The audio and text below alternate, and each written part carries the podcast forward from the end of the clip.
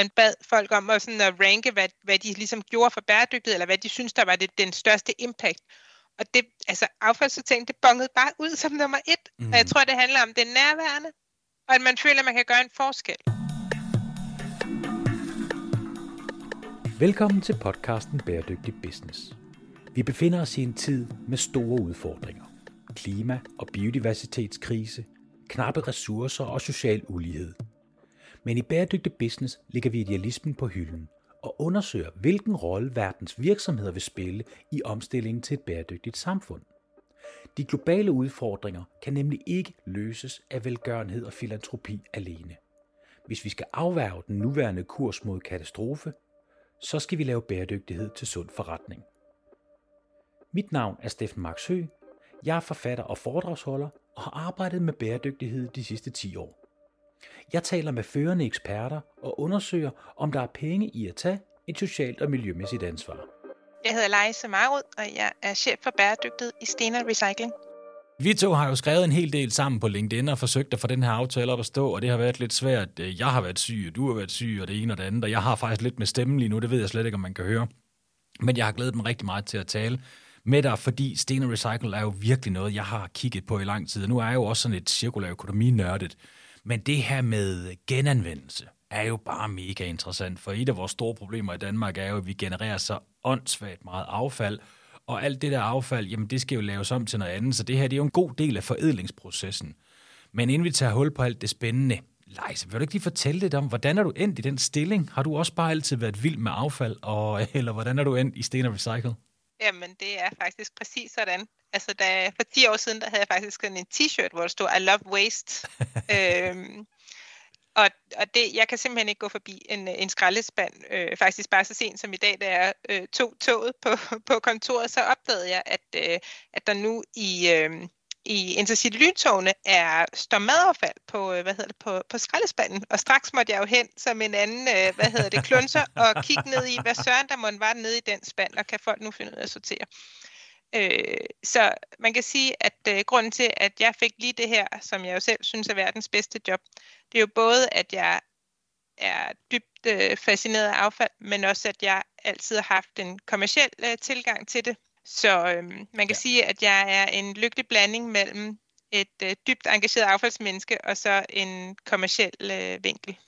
Øhm, det, er jo, øh, det er jo den bedste vinkel i min verden, når man kan kombinere bæredygtighed og forretninger. Det, det er jo reelt den eneste mulighed, vi har for at løse de store problemer, vi står overfor.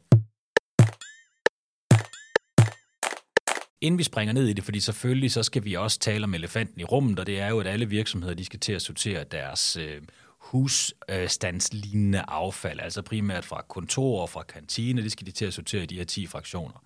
Men, men bare lige sådan for Adam og Evas skyld, lad os lige tage den fra toppen. Hvorfor er det, at vi skal sortere det affald? Fordi selvom jeg er meget glad for bæredygtighed, så synes jeg ikke, at affaldssortering er vildt spændende.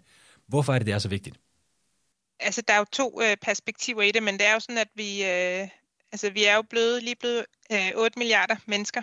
Og vi har øh, mange, som lytter med, har måske hørt om Earth Overshoot Day, og ja. altså, vi løber simpelthen for øh, tør for ressourcer. Så man kan sige, at hvis vi, øh, hvis vi skal blive ved med at have den levestandard, vi har, så bliver vi nødt til at genanvende vores, øh, vores ressourcer. Øh, så det kan man sige, det er jo den, det, ene, det ene perspektiv, og det andet perspektiv, det er jo sådan rent, altså der er jo bare noget lovgivning, der siger, at det, øh, at, at det skal vi. Så ja. det kan man sige, det er det to, to ben, og de går jo hånd i hånd. Ja, ja, ja, det gør det i høj grad, men jeg tænker også, det her med at sortere affald, at pointen er vel også, at vi skal jo have det ud i de her forskellige fraktioner, så vi nemmere kan genanvende det, fordi jo mere det bliver blandet sammen, jo mere komplekst er det faktisk at, at genanvende efterfølgende. Er det ikke ligesom det, der er essensen? Jo, altså man kan sige, det du, du, du træder ned i nu, det er jo det her, øh, lidt den her, hvad skal man sige, paradigme, skal vi øh, kildesortere, altså det vil sige, vil man sortere derhjemme, eller skal man centralt sortere, det vil sige, hvis centralt sortering, der samler man det jo hele sammen, og så, så sorterer man ud på et, på et anlæg. Man kan sige, at det er jo en politisk beslutning, at, øh, at der skal kildesorteres, og, øh, og der er jo også nogle lande, der centralt sorterer. Det man jo altså bare må konstatere, det der er et materiale tab øh, ved øh, central sortering. Men man kan sige, at fald fra vores perspektiv, som primært er affald fra, fra virksomheder, der er det, øh, altså der, der er det kildesortering, der er rigtig, rigtig vigtig i forhold til at bevare kvaliteten i, i materialerne, fordi at det simpelthen både er for dyrt og, og for, øh, hvad skal man sige, for kompliceret at udsortere centralt. Der er vel også rigtig mange situationer, for eksempelvis inden for elektronik, hvor I får sådan en, en blandet landhandel. Hvordan fanden får man skilt alt det ad, uden at man er sikker på, at man også kommer til at bruge frygtelig meget energi på den proces? Altså man kan sige, hvis man kigger for eksempel, altså hvis man kigger ned i virksomhedernes øh, produktionsaffald, så for eksempel inden for jern og metal, der er der altså rigtig store værdier i at sortere det, fordi lige så snart, at du, øh, altså du har, der er meget, meget stor forskel i prisen på, øh, på metaller. Øhm, så du kan godt have, en, altså hvis du har noget for eksempel, der er, der er messing eller, eller nogle andre øh, højværdier, eller aluminium for eksempel, ikke? at der hvor der er rigtig god værdi i at udsortere det, og i det øjeblik du blander det sammen, så mister man den, øh, den værdi. Det man kan sige, at sådan nogle sammensatte produkter, øh, det kan jo være både være sådan noget som møbler, det man, hvis man kigger op i øh, jerncontaineren ude på, ude øh, på genbrugspladsen, så er det jo måske øh, 20% øh, jern, og så er der øh, 50 procent plast og, og en masse træ, ja. fordi man står med et skrivebord, eller hvad ved jeg. Men det, man kan sige, at der er på vej, det er også, at man måske får nogle nye øh, altså design guides, eller bedre design ja. af produkter, så vi kan tænke i højere grad tænke cirkularitet ja, i produktdesign. Det, ja, altså det der med, at vi begynder at designe produkterne anderledes, så de er nemmere at sortere derude. Klart, det bliver ja. der også snakket meget om. Altså, hvad gør man ved den der store masse for at få noget, noget genanvendt materiale ud af det efterfølgende? Jamen, altså, man siger, det er jo noget af det, som vi investerer rigtig meget i. Det er jo netop hele tiden at forfine den sortering. Altså, vi har, altså, jeg tror, vi har tre eller fire forskellige led af sorteringsmaskiner, der kan øh, hvad hedder, hele, tiden for, hele tiden forfine de øh, øh, restmaterialer, der kommer ud. Og det er jo fordi, der er økonomi i det, at, øh, at det er værd at investere i store sorteringsanlæg, der mm. kan øh, hele tiden raffinere de kvaliteter, øh, der, kommer, der kommer ud af det. Og så er der en rest tilbage, som, øh, som enten bliver forbrændt eller går på øh, deponi. Ja, og det er selvfølgelig et spørgsmål om at få den rest til at være så lille som muligt. Og mange af dem, der lytter med i den her podcast, er folk, der interesserer sig relativt meget for bæredygtighed, så sådan videns er relativt højt. Men alligevel, så vil jeg godt lige skære det ud og sige, det, grund til, at vi gerne vil have sorteret alt det her, det er fordi, jo renere fraktioner vi har, jo nemmere er det at genanvende til et, et godt, solidt materiale efterfølgende. For jo flere blandingsprodukter, der kommer i, jo sværere bliver det der stål, hvis der er alt muligt forskellige jerntyper i, og sådan noget. Jo dårligere bliver plastik, hvis der er alle mulige forskellige slags plastik i. Men, øh, men noget af det, jeg synes, der er rigtig interessant, det er jo også prisniveauet, altså selve udviklingen på de her genanvendte materialer. For jeg læste, og, og jeg bruger det faktisk tit, når jeg udholder foredrag, det her eksempel med, at Coca-Cola er blevet sure på Lego, fordi at Lego i bund og grund tager alt det genanvendte plastik, der er på markedet, fordi de er klar til at give en højere pris for det, end Coca-Cola er, fordi det er bare rigtig fedt. Du kan tage dit plastikprodukt, og så kan du vise, det er lavet af genanvendt materiale. Så, og jeg spurgte dig også lige inden, er der nogle materialer, som faktisk har en højere værdi, efter det er blevet genanvendt, frem for når det er vagin, altså øh, et, et nyt jomfrueligt materiale, der er bare blevet lavet til det her pågældende materiale. Hvad er dit take på det, omkring det her med genanvendte materialer og priserne på det? Altså, der er, altså, men det man kan sige, det, det eksempel, du tapper ned i, der er jo mange af de store fødevareproducenter, der begynder at gå ud og sige, at de vil lave x antal af deres øh, flasker for eksempel skal være lavet af genanvendigt plast. Men som det er nu, så er det jo faktisk kun PET, altså som er den plasttype, der typisk bliver brugt til flasker, som er det, man får ind igennem øh, dansk retursystem. Øh, primært, det, der kan, øh, som er fødevaregodkendt, som kan, som kan bruges igen til fødevareplast. Og det er, jo, det er jo en begrænset ressource. Og der kan vi jo godt se, at der, der sker der noget med priserne, øh, og det kommer, det, det afføder også, altså kommer også ud på de andre øh, typer, øh, typer plast, øh, at, øh, at der sker noget på, på prisen og efterspørgselen efter, øh, efter genanvendte materialer. Vi ser det faktisk det samme på alu. Øh, der er nogle af de store bilproducenter, som okay. har sagt, at de nu ikke længere øh, hvad hedder det, accepterer øh, scrap, altså for eksempel afskær fra aluminiumsproduktionen, øh, som, at det godkender de ikke som genanvendt alu. Det skal være post-consumer, altså alu, der har været ude og været brugt i, hos forbrugerne, at det er det eneste, de godkender som, som genanvendt øh, aluminium. Og det øjeblik, at man som Volvo eller, eller eller Folkevogn eller BMW går ud og siger, at vi, vores target det er at have en eller anden øh, andel genanvendt øh, alu, for eksempel i vores biler, så sker der jo noget med prisen på, øh, på genanvendt øh, øh, alu. Og det er jeg helt sikker på, at det kommer vi til at se meget mere af i fremtiden. Men det er jo spændende omkring den der prisudvikling, vi ser på materialerne. Altså, øh, fordi øh, der kan man vel sige, det er jo markedskræfterne, der begynder at, at trække i den rigtige retning. Det er vel, antager jeg, fordi forbrugerne begynder at vægte det meget positivt, at man bruger genanvendte materialer, frem for at man bruger vagine materialer. Er der andre retninger, hvor materialpriserne stiger? Altså man kan sige, at materialpriserne de har altid gået op og ned. Øhm, og og ja, sådan, er, sådan er markedet jo. Altså papir og pap, det går jo også øh, op og ned. Øh, det er ikke så lang tid siden, hvor det var virkelig, virkelig svært for øh, at skaffe genanvendt øh, papir øh, og, og pap, hvor der faktisk var lidt øh, papkrise. Øh, men så, så, så ændrer så, så efterspørgselen, og så, så ændrer prisudviklingen mm. sig, sig igen. Så det kan man ikke sige øh, noget, noget specifikt om. Det er, afhænger helt af, hvordan markedspriserne Øh, så det er ligesom men, men, aktierne på alle mulige andre områder. Det går lidt op præcis. og ned. Præcis. Men det, det går nemlig op og ned. Men der er en større efterspørgsel på de genanvendte materialer. Ja, det, det kan man sige, og det er jo drevet af forbruger efterspørgsel. Altså, jeg tror, alle har ligesom lagt mærke til, at når man køber en eller anden kødbakke ned i Rema, så står der måske lavet af genanvendt plast, eller det kan genanvendes. Så især inden for plastområdet, så er det rigtig meget drevet af forbrugerne.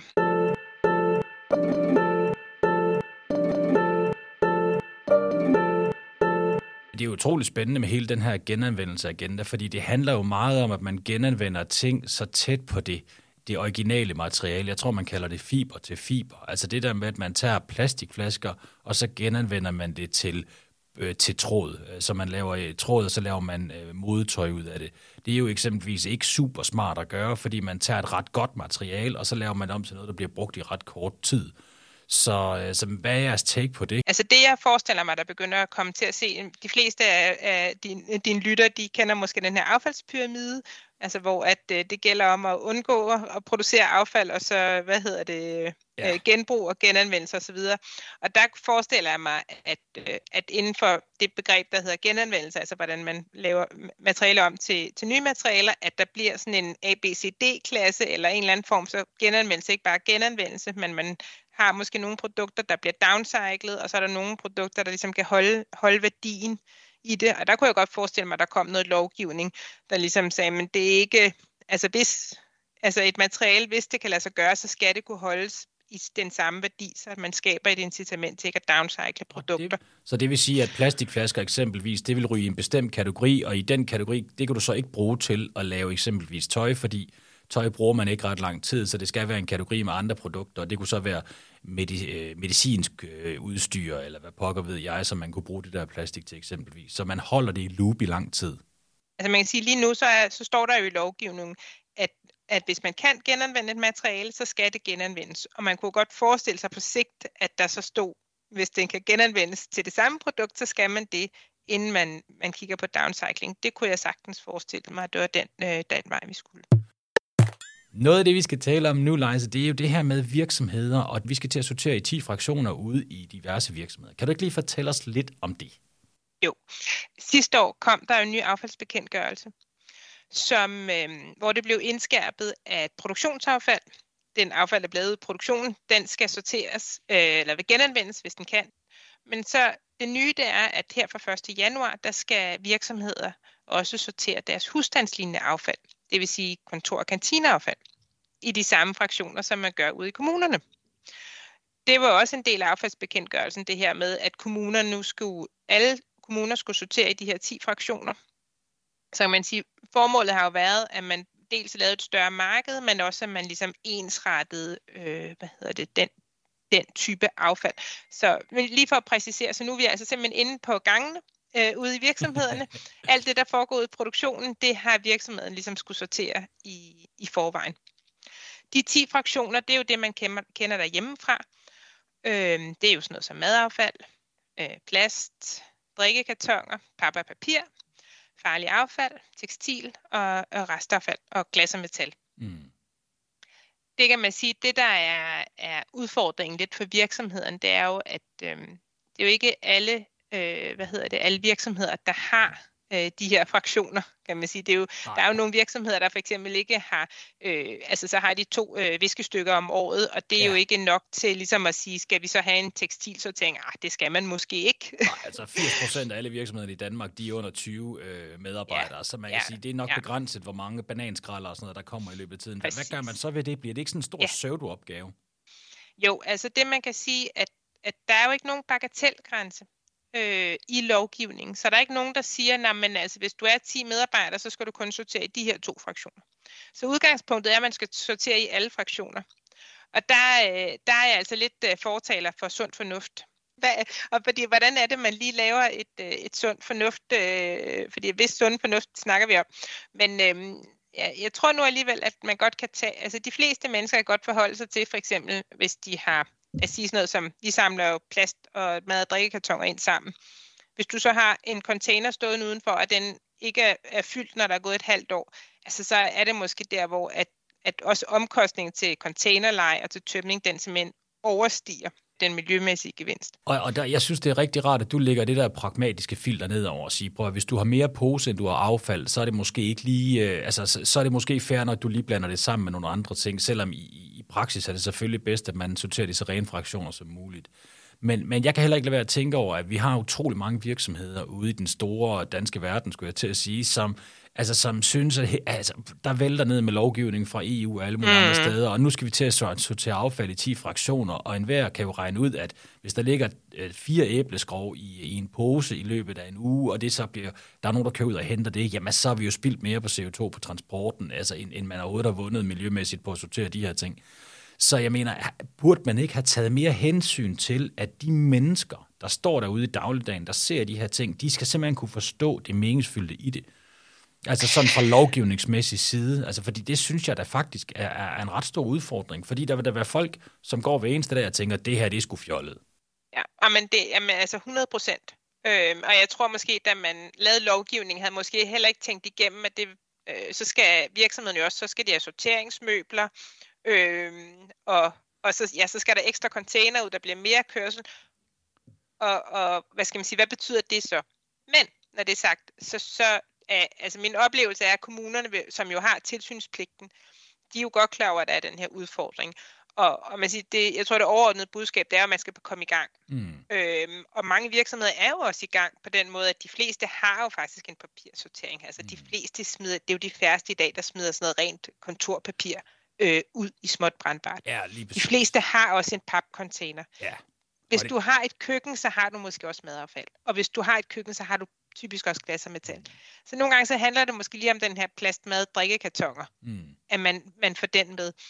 Så jeg vil sige, at når det er sagt, så kan jeg jo også godt for, høre på mange af vores kunder, at deres medarbejdere, de tænker, hvorfor er det, når vi skal sortere derhjemme, hvorfor skal vi så ikke også sortere på kontoret? Så man kan sige, at, at altså jeg er ikke så bekymret, det, det skal nok lande, øhm, og jeg, man kan jo bare se, at virksomheden er jo også, vil jo faktisk rigtig gerne det. De skal bare have noget hjælp til lige at finde ud af, hvad er det det rigtige øh, niveau øh, er.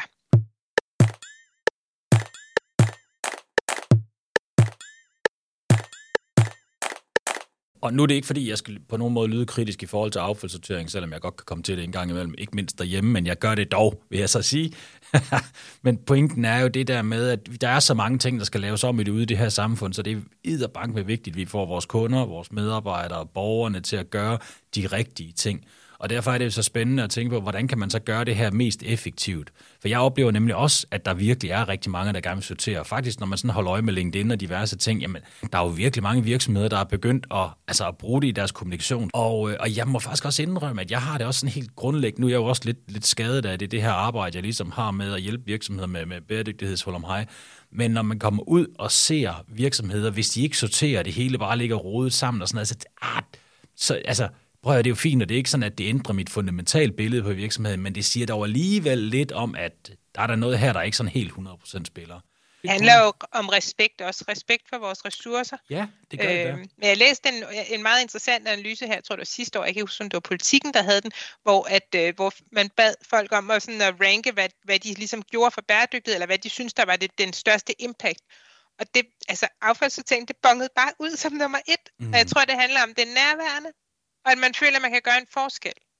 og det giver mening, og det synes jeg er super vigtigt at holde fast i, fordi at alle begge små kommer til at ændre vores, øh, vores samfund. Ja, og så synes jeg også, det er vigtigt at holde fast i, at affaldssortering faktisk også sådan på en skala over de forskellige ting, man kan gøre, så er det faktisk mm. noget, der giver en reel, altså der er en reel forskel. Øh, og, og jeg vil sige, i et land som Danmark, hvor vi nu genererer så meget affald, som vi gør, så er det en rigtig, rigtig god idé at kigge ned ad det spor. Altså, det er jo forskelligt, hvordan man griber det an rundt omkring i verden. I Danmark er vi jo rigtig gode til, altså, som jeg har forstået det i hvert fald, at sortere en del, men også at brænde rigtig meget af det. Altså, hvordan skal vi løse det her kæmpe store affaldsproblem, som er ikke bare i Danmark, men i den store verden? Altså, man kan sige, at der er jo kommet et deponiforbud på EU-plan. Altså, så man må jo ikke altså, komme øh, køre affald på deponi, altså, hvad skal man sige, med mindre det deponi egnet. Øh, men, øh, men det man, man kan sige, vi har jo været historisk gode til at brænde, brænde affald af herhjemme, og det jeg er helt sikker på, at vi går mod en, altså en zero waste, altså, altså ikke noget affald til forbrænding eller deponi, øh, strategi, så vil der jo i hvert fald i mange år fremadrettet stadigvæk være affald, vi bliver nødt til at forbrænde. Og der, der, det kan man sige, det vi er rigtig gode til hjemme, det er jo at udnytte både el og varme.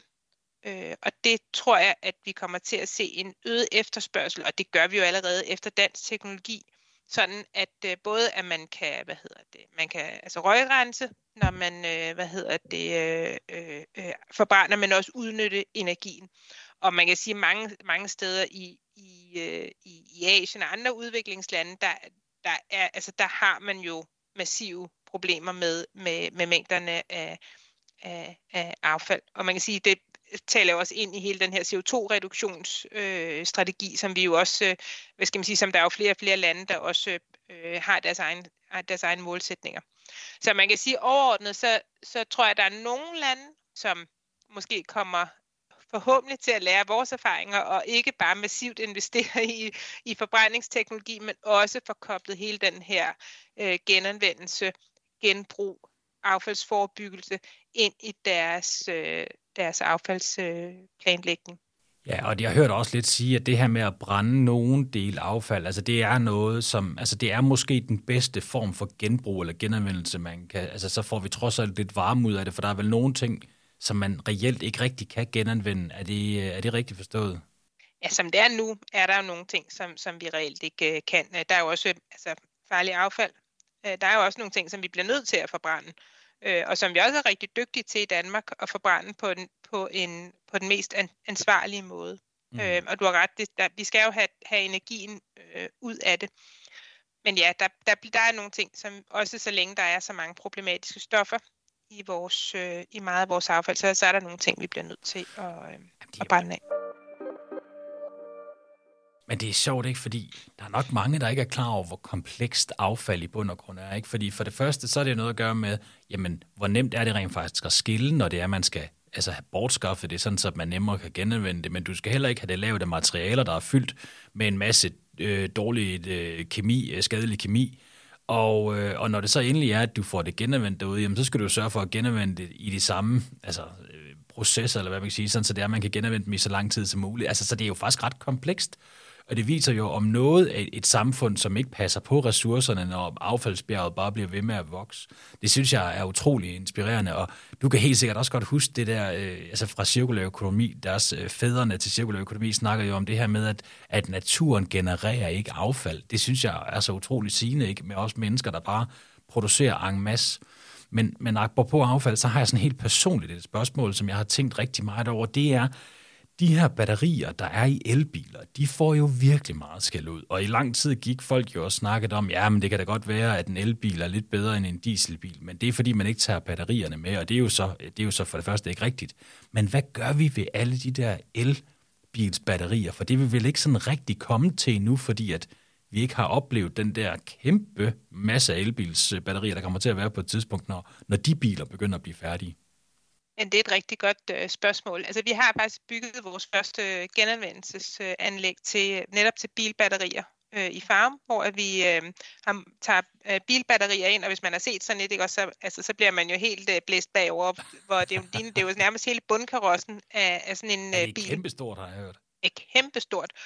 Øh, der har vi simpelthen et anlæg, hvor vi øh, kan aflade batteriet, Øh, og, og at nu bliver det sådan lidt teknisk, men det er sådan nogle lithiumbatterier, de er jo virkelig brand, brandfarlige, ikke også? Og man kan ikke øh, slukke dem med, Nej. med vand. Udfordringen er jo, at de både er svære at slukke, og at det mm. er vildt giftigt, det røg, der kommer derfra. Ja, ja og så har de, vi har faktisk øh, bygget vores øh, eget anlæg, så de bliver afladet oven på sådan et stort bassin, så hvis der skulle opstå, øh, hvad hedder det, brand, så kan vi omgående sænke det, simpelthen hele batteriet ned i en balje, som så, hvad skal man sige, drukner øh, den her brand. Jeg læste på et tidspunkt, øh, eller så var det til et oplæg, jeg hørte nogen tale om, at de der batterier, fordi teknologien på de her batterier udvikler sig også rigtig hurtigt, så, så kunne man godt bruge de her batterier, jamen faktisk som batterier, så man kunne bruge det til at, øh, at, at høste solenergi, og så lade det ligge på de her batterier, så man ligesom havde nogle store batterier, for når man nu alligevel havde dem, kunne man lige så godt fortsætte med at bruge dem. Tror du, det har mm. noget på sig? Jamen altså det har vi faktisk, det, øh, hvad hedder det, vi har et anlæg, der, der, der bruger store, altså sådan nogle busbatterier, som man netop brug, altså, bruger til at, at oplade. Altså sådan en powerbank for kæmper. Ja, ja, det kan man godt sige, ja. Øh, og det kunne jeg sagtens forestille mig, at vi i højere grad brugte også, når, altså nu bliver der jo stor udbygning af solceller, hvor at det jo også er rigtig relevant at kunne øh, lokalt øh, opbevare strøm. Øh, så jeg tror, der kommer, de kommer til at se en helt øh, en hel myriade af innovationer mm. inden, for, inden for det her område. Men når det er sagt, så kapaciteten til genanvendelse af batterier, den står slet ikke mål med, altså på europæisk plan, med mængden af bilbatterier, der bliver sprøjtet ud i øjeblikket. Jamen, men det er jo fremtidens forretnings- eller fremtidens vindervirksomheder, der skal ud og finde en løsning på det her, fordi det er jo klart, når der kommer til at være tonsvis af de her batterier, og det er jo virkelig, virkelig dyre og vigtige materialer, der ligger i de her bilbatterier, de skal jo sættes i cirkulation igen. Ja, og man kan sige, at hele den her øh, øh marked for sjældne jordarter, som, og det der bruges i batterier, det er jo altså sådan noget, det er jo 80 procent, der bliver produceret i Kina, eller Kina har, øh, hvad hedder det, en meget, meget stor markedsandel. Og, og det er jo også, altså, ja, det er jo en helt snak om, hvordan er det, man bæredygtigt sourcer den her type øh, råvarer. Vi har jo problemet på Grøn, eller i Grønland, ikke, hvor, at, øh, hvor det også er sjældne jordarter, men, men hvor at den, altså bio, ø, hvad skal man sige, den økologiske øh, konsekvens ved at, ja. at, at source der, altså de, bliver, de er jo formodentlig ja. meget store. Jeg tænker, hele den her diskussion om, hvordan er det, vi, vi bruger vores, øh, vores ressourcer, den, altså, den håber jeg, der kommer endnu højere op på dagsordenen. Men det er jo virkelig spændende, når vi snakker genanvendelse, og lige præcis det, som Stena Recycle sidder i midten af, det er, at det her det er jo samfundskritisk, at vi får styr på den cirkulære økonomi. Vi bliver bedre til at genanvende, fordi vi i øh, en meget, meget rig del af verden her i Europa, vi køber jo alverdens ting, som bliver produceret ude i det store udland, som bliver produceret med billig arbejdskraft og med, med ting, der bliver gravet op alle andre steder end i Europa, og så tager vi det her til, bruger det kort tid, og så kyler vi det ud. Så vi skal jo blive bedre til at bruge de her materialer, fordi Kina sidder jo på en stor del af alle de her øh, materialer, og de ligger langt væk, og i takt med, at der sandsynligvis bliver færre og færre af dem, så er det fjollet, at vi bare køber ting og smider det ud, de her materialer, i stedet for at genanvende det. Men det er jo bare en stor bevægelse, vi skal have gang i for at lave ja. det om. Altså, hvad tænker du omkring det? Altså, det er jo der, man er en virkelig lille brik i et meget, meget stort spil, ikke? som både handler om designer, der skal gøre ting anderledes, kunder, der skal købe anderledes, politikere, der skal prioritere anderledes, lovgivning, der skal laves om. Altså, man kan jo godt blive sådan lidt forpustet, når man tænker på det. Ja, og, og, og overvældet, ikke også? Fordi at når man, problemet er, jo mere viden man har, jo nogle gange så tænker man altså, hvordan skal det dog gå, øh, hvordan skal det dog gå øh, det hele?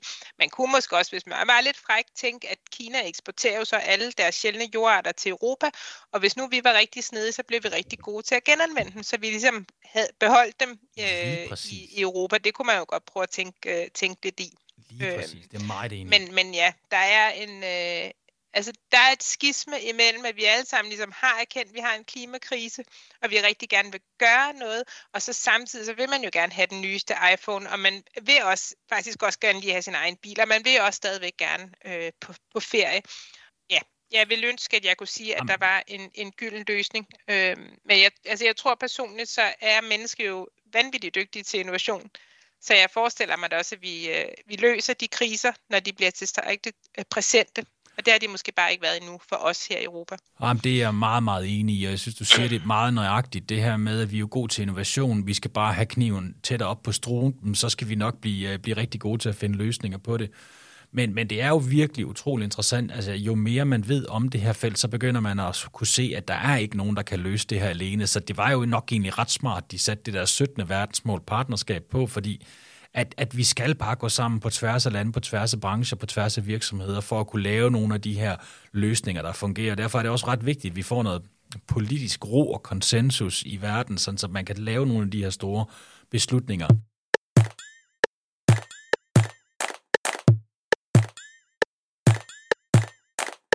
Men, men man kan så sige, at der er jo også meget, man kan gøre ude i de enkelte virksomheder, for det, det er jo tit også der, at den her bæredygtighedsagenda, den bliver, så bliver man lidt overvældet og forpustet, som du også siger, og så ved man ikke rigtigt, hvad man skal gøre, og så tænker man, så er det måske også lige meget. Og der synes jeg jo, at affaldssortering er så godt konkret et eksempel på noget, man rent faktisk kan gøre, selvom jeg brokker mig i et væk, når jeg skal stå og skylde den der makraldåse, ikke for makrel, og så køle den ned i den rigtige pose.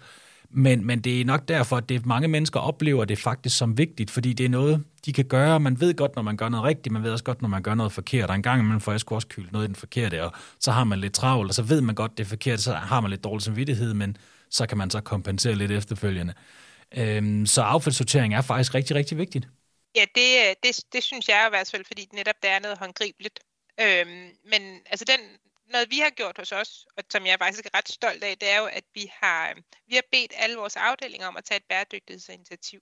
Hvor vi tænkte, men, øh, kan de nu finde ud af det? Men vi har bare været fuldstændig blæst bagover af ja. gode idéer, løsninger, som vi slet ikke i min afdeling selv kunne have fundet på, fordi vi jo ikke har det lokalkendskab, som man har ude på filialerne.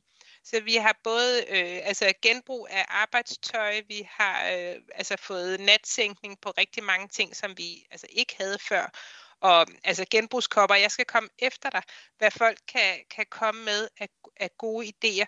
Så øh, min oplevelse er faktisk, at hvis man giver folk redskaberne og supporten til at lave forandringer, så kan de faktisk rigtig gerne men, men man skal bare ikke regne med, at det hele kommer ligesom Nej, fra, det kommer altså, ikke dumpende øh, fra himlen. Nej, det gør det altså ikke. Men det er et virkelig godt øh, argument, det her, og, og jeg oplever i høj grad også, at rigtig mange, altså mange virksomheder, som måske ikke arbejder så meget med bæredygtighed, tænker også, at bæredygtighedsarbejde drejer sig om at kommunikere eksternt men faktisk det at kommunikere internt og få involveret medarbejderne i det, altså den store kommersielle værdi, ligger faktisk i, at det her det kan være meget sammenskabende og retningsbestemmende mm. øh, for din organisation, Præcis. og det, det er bare rigtig godt på performance-siden. Hvordan orkestrerede I alt det her med, at medarbejderne de kunne komme med nogle idéer? Altså, hvordan, øh, var, altså sådan helt lavpraktisk, var det en mail, man kunne skrive mm. noget til, mm. eller hvordan mm. gjorde I det? Jamen altså, for det første har jeg en, øh, en øh, vanvittig dygtig øh, projektleder, som er simpelthen 100 meter mester i at engagere folk. Ej, men, øhm, Ja, men det er det. Men, øhm, men vi har, altså, vi bad simpelthen altså vi havde sådan et uh, morgenmøde, hvor alle ligesom, vi havde sådan en kick-off, og så sagde vi alle, vi har jo 18 filialer, øh, produktionsenheder, og så har vi selvfølgelig nogle stabsfunktioner. Og så bad vi dem simpelthen bare øh, melde ind med idéer. Vi har sådan et, øh, vi har så et system, man kan gøre det i, men det i princippet kunne det lige så bare godt være på et, et stykke papir. Øhm, og så, så pullede vi dem sammen, og så fandt vi ud af, at der var rigtig mange, der gerne ville lave noget med biodiversitet, for eksempel. Så vi har øhm, lavet simpelthen lavet en biodiversitetsstrategi, som vi ruller ud på, fil, på filialerne. Vi fandt ud af, at der var rigtig mange, der, der stadigvæk havde noget LED, de manglede at få skiftet ud. De ville det rigtig gerne. Jamen altså, så har det været så, altså varmepumpeudskiftning, jamen det har været solceller på tagene, det har været altså virkelig altså stort og småt. Altså det kan bare være, at man, der var nogen, der sagde, hov, vi har da faktisk også et køleskab stående, vi ikke skal, altså det står faktisk bare køre, skal vi ikke lige få det væk? Og, eller det kunne være, at vi skal nye hæve sænkebord, men vi behøver da måske ikke købe et nyt bord. Er det ikke noget med, at man bare kan få skiftet bordpladen ud? Lad os da lige gøre det. Og så er det, vi har været rigtig gode til, synes jeg, det er at sige, synliggør eksemplerne sådan, at andre skulle sige, hov, når, når, men hvis de har gjort det over på den der filial, så mm. kunne vi måske også gøre det hos os. Så jeg tror egentlig bare, det handlede om at give helt almindelige medarbejdere rum til at komme med deres idéer, og så vi har været gode til ligesom at bære dem dem frem, og så skaffe noget finansiering øh, til, til de løsninger. Og så vil jeg bare lige skynde mig at sige, at vi faktisk også har lavet et øh, bæredygtighedskursus, som vi har rullet ud i hele vores organisation. Den består i, at vi taler om, hvad det er, altså hvad er bæredygtige stener, men det er også en helt konkret øh, gennemgang af, af, altså jeg har sådan en rigtig god video fra UCLA omkring, øh, hvad er bæredygtighed egentlig, altså sådan definitionsmæssigt, vi kommer igennem, altså hvad er der står der i affaldsbekendtgørelsen? Hvad er cirkulær økonomi? Hvad er FN's verdensmål? Hvad må man sige om marketing, altså grøn, altså bæredygtig marketing? Altså hvordan undgår man greenwashing? Vi taler den nye øh, altså, krav om altså bæredygtighedsafrapportering. CSRD, øhm, øh, EU-taksonomi, altså alle de her begreber, og så har vi en hel sektion omkring altså bæredygtig adfærd. Hvad kan man, altså sådan noget, det kan være sådan noget med, hvordan, hvor hurtigt, hvordan kører man, ja, altså alle mulige gode tips til, øh, hvad kan man, hvad er bæredygtig adfærd. Og så har vi en, en faktisk en, en tredjedel af sessionen handler rigtig meget om, hvad folk selv synes, vi skal gøre. Fordi det er jo der, vi så samler viden til, hvordan vi kan arbejde videre med bæredygtighed internt. Og det, det giver folk også følelsen af, at, at man alle bidrager. Fordi at min afdeling på fire kan altså ikke gøre lige så meget som 450 medarbejdere, der alle sammen gør noget. Det er en rigtig, rigtig god pointe. Og man kan sige på medarbejdersiden, det at man klæder medarbejderne på til rent faktisk at kunne tage nogle valg, jamen, øh, og, og kunne handle på nogle af de her ting, altså fordi de får noget mere viden, det gør jo, at de oplever, at, at de kan være en succes i det her, så det er rigtig godt. Mm. Noget, jeg selv lægger meget mærke til, når, det, når vi snakker bæredygtighed, det er jo, at hvor får man sin viden fra? Det synes jeg er utrolig interessant. Hvor får du egentlig din viden omkring det her, når du nu er så specialiseret? Uh, det er vores kunder. Ja. Jamen, det er at komme ud og tale med kunderne. I, jo, og både, altså både på toppen, han har sagt, og i bunden, men især på bunden, fordi det er jo der, man opdager de konkrete problemstillinger. Og så vil jeg sige, at vores medarbejdere, de er altså også bare en guldgruppe af viden. Så man skal bare gå ud og være nysgerrig, mm. og spørge sine kunder, hvad deres behov er, og så på en eller anden måde, så får man jo koblet, koblet jo flere, man kan man sige, der begynder at sige de samme ting, så kan, får man sig jo sådan et, så danner sig sig et billede af, hvad det er for nogle ting, vi skal kunne i, øh, i fremtiden.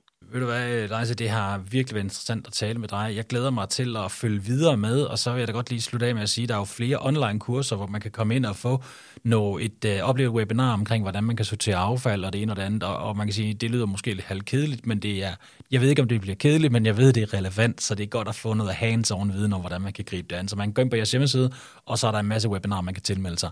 Tusind tak, fordi du vil være med. I lige måde. Du har lyttet til Bæredygtig Business. Mit navn er Steffen Marksø, og du er meget velkommen til at finde mig på LinkedIn, hvis du har idéer til emner, jeg skal tage op i podcasten. Ros og ris er også meget velkommen. Husk i øvrigt at abonnere på podcasten i din podcast-app, så får du automatisk besked, når der er nye episoder. Og hvis du giver os en god anmeldelse, så hjælper du med at sprede budskabet om bæredygtig business. Tak fordi du lyttede med.